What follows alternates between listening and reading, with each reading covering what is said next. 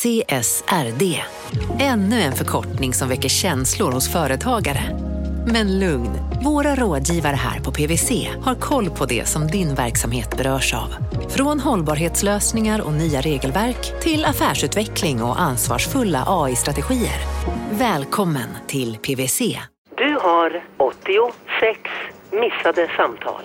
Senaste samtalet togs emot... Att missa typ tusen kundsamtal, det är inte Telia. Att ha en molnbaserad växel som löser allt, det är Telia. Upptäck Smart Connect som gör ditt företagande enklare. Läs mer på telia.se företag. Välkomna sommaren med att... Res med Stena Line i sommar och gör det mesta av din semester. Ta bilen till Danmark, Tyskland, Lettland, Polen och resten av Europa. Se alla våra destinationer och boka nu på stenaline.se. Välkommen ombord!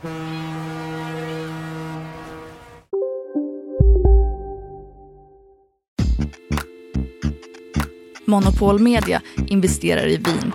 Med mig, Joanna Kobutjak.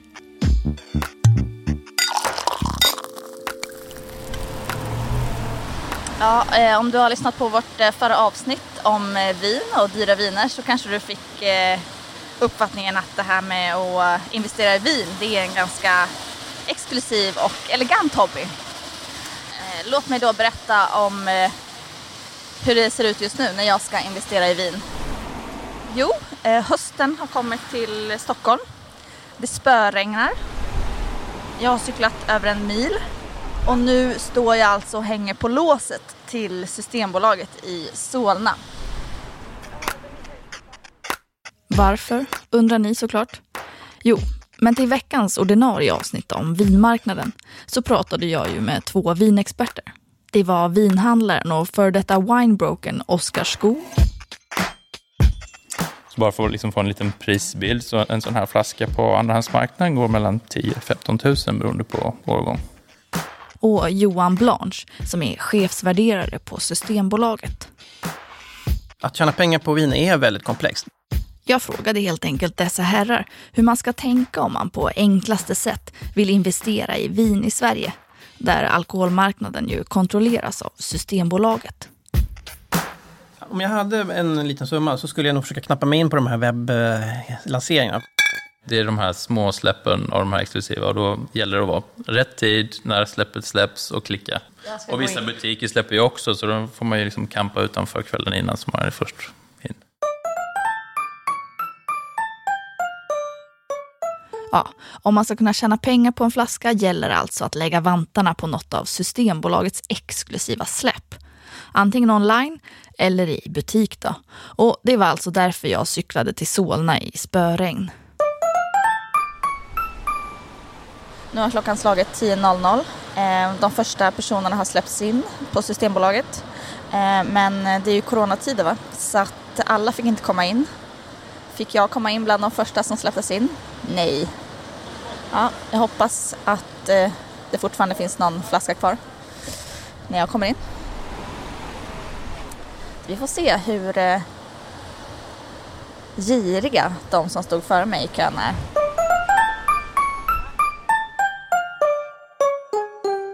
Okej, jag har alltså tagit till mig av tips nummer ett. Köp ett exklusivt släpp på systemet. Nästa utmaning handlar ju då om att välja rätt flaska.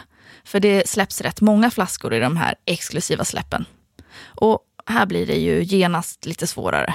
Det kräver ju såklart lite, jag kan tyvärr inte rekommendera eh, ex, eh, enskilda varumärken här nu. Eh, så, utan, men jag skulle sitta och bläddra bland de där webbsläppen och försöka hitta någon bra Bourgogne eller någon italienare. För det, de är heta, två områden som är väldigt heta eh, av hög kvalitet. Och, eh, för, Vilket italienskt eh, område? Vad upp i, ja, men det är nog, alltså, I Sverige så är det nog Piemonte, Barolo eh, som är ändå hetast, får man nog säga. Så där någonstans skulle jag leta efter en bra producent. Mm. Eh, bredden blir bara bättre och bättre i Bourgogne och Piemonte också. Så det är inte för sent. Tåg, Piemonte och Bourgogne-tåget har absolut inte gått. Så det är bara att fortsätta och köra där tycker jag. Ja, här var alltså tanken att jag skulle ha researchat vingårdar och noga vägt de olika flaskorna mot varandra. Det har jag tyvärr inte gjort Eh, så jag fick helt enkelt bara gå på de regioner som Johan och Oskar tipsade mig om. Och sen helt enkelt chansa på en flaska.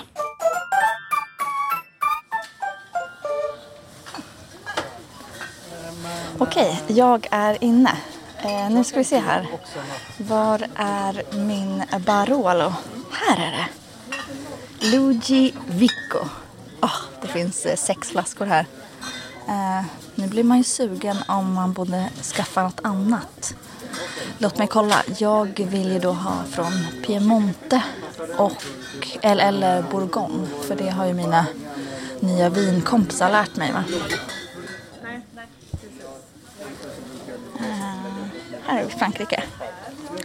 Råndalen, det sa Jan Guillou att man alltid kunde satsa på för att rånvin passar till allt. Det är lättdrucket. Det var liksom sånt nybörjartips. Men jag är ju inte här för att dricka vin, jag är här för att tjäna pengar. Va? Eh, Bordeaux, Bordeaux är ingen bra prisutveckling, det har jag ju lärt mig. Jag undrar om Oskar och Johan och Jan är stolta över mig nu. Jag tror inte det. Jag tror att jag eh, säkert köper några jävla skitvin eh, som är dyrt här. Men, men, men. Ja, jag landade alltså i en Luigi Vico, en Barolo från Piemonte i Italien, för 739 riksdaler. Och det var ingen rusning efter just den flaskan i butiken. Enligt butikschefen i Solna var det tydligen en vit Rioja som var hetast idag. Men låt oss tänka positivt och säga att jag satsat på ett wildcard. Om den här investeringen nu ska ha minsta chans att lyckas eh, så gäller det att hitta en vinkällare och lagra den här flaskan i. Så om du råkar ha en sån med plats över, hör av dig. Alltså, jag menar allvar. Hör av dig till oss på Instagram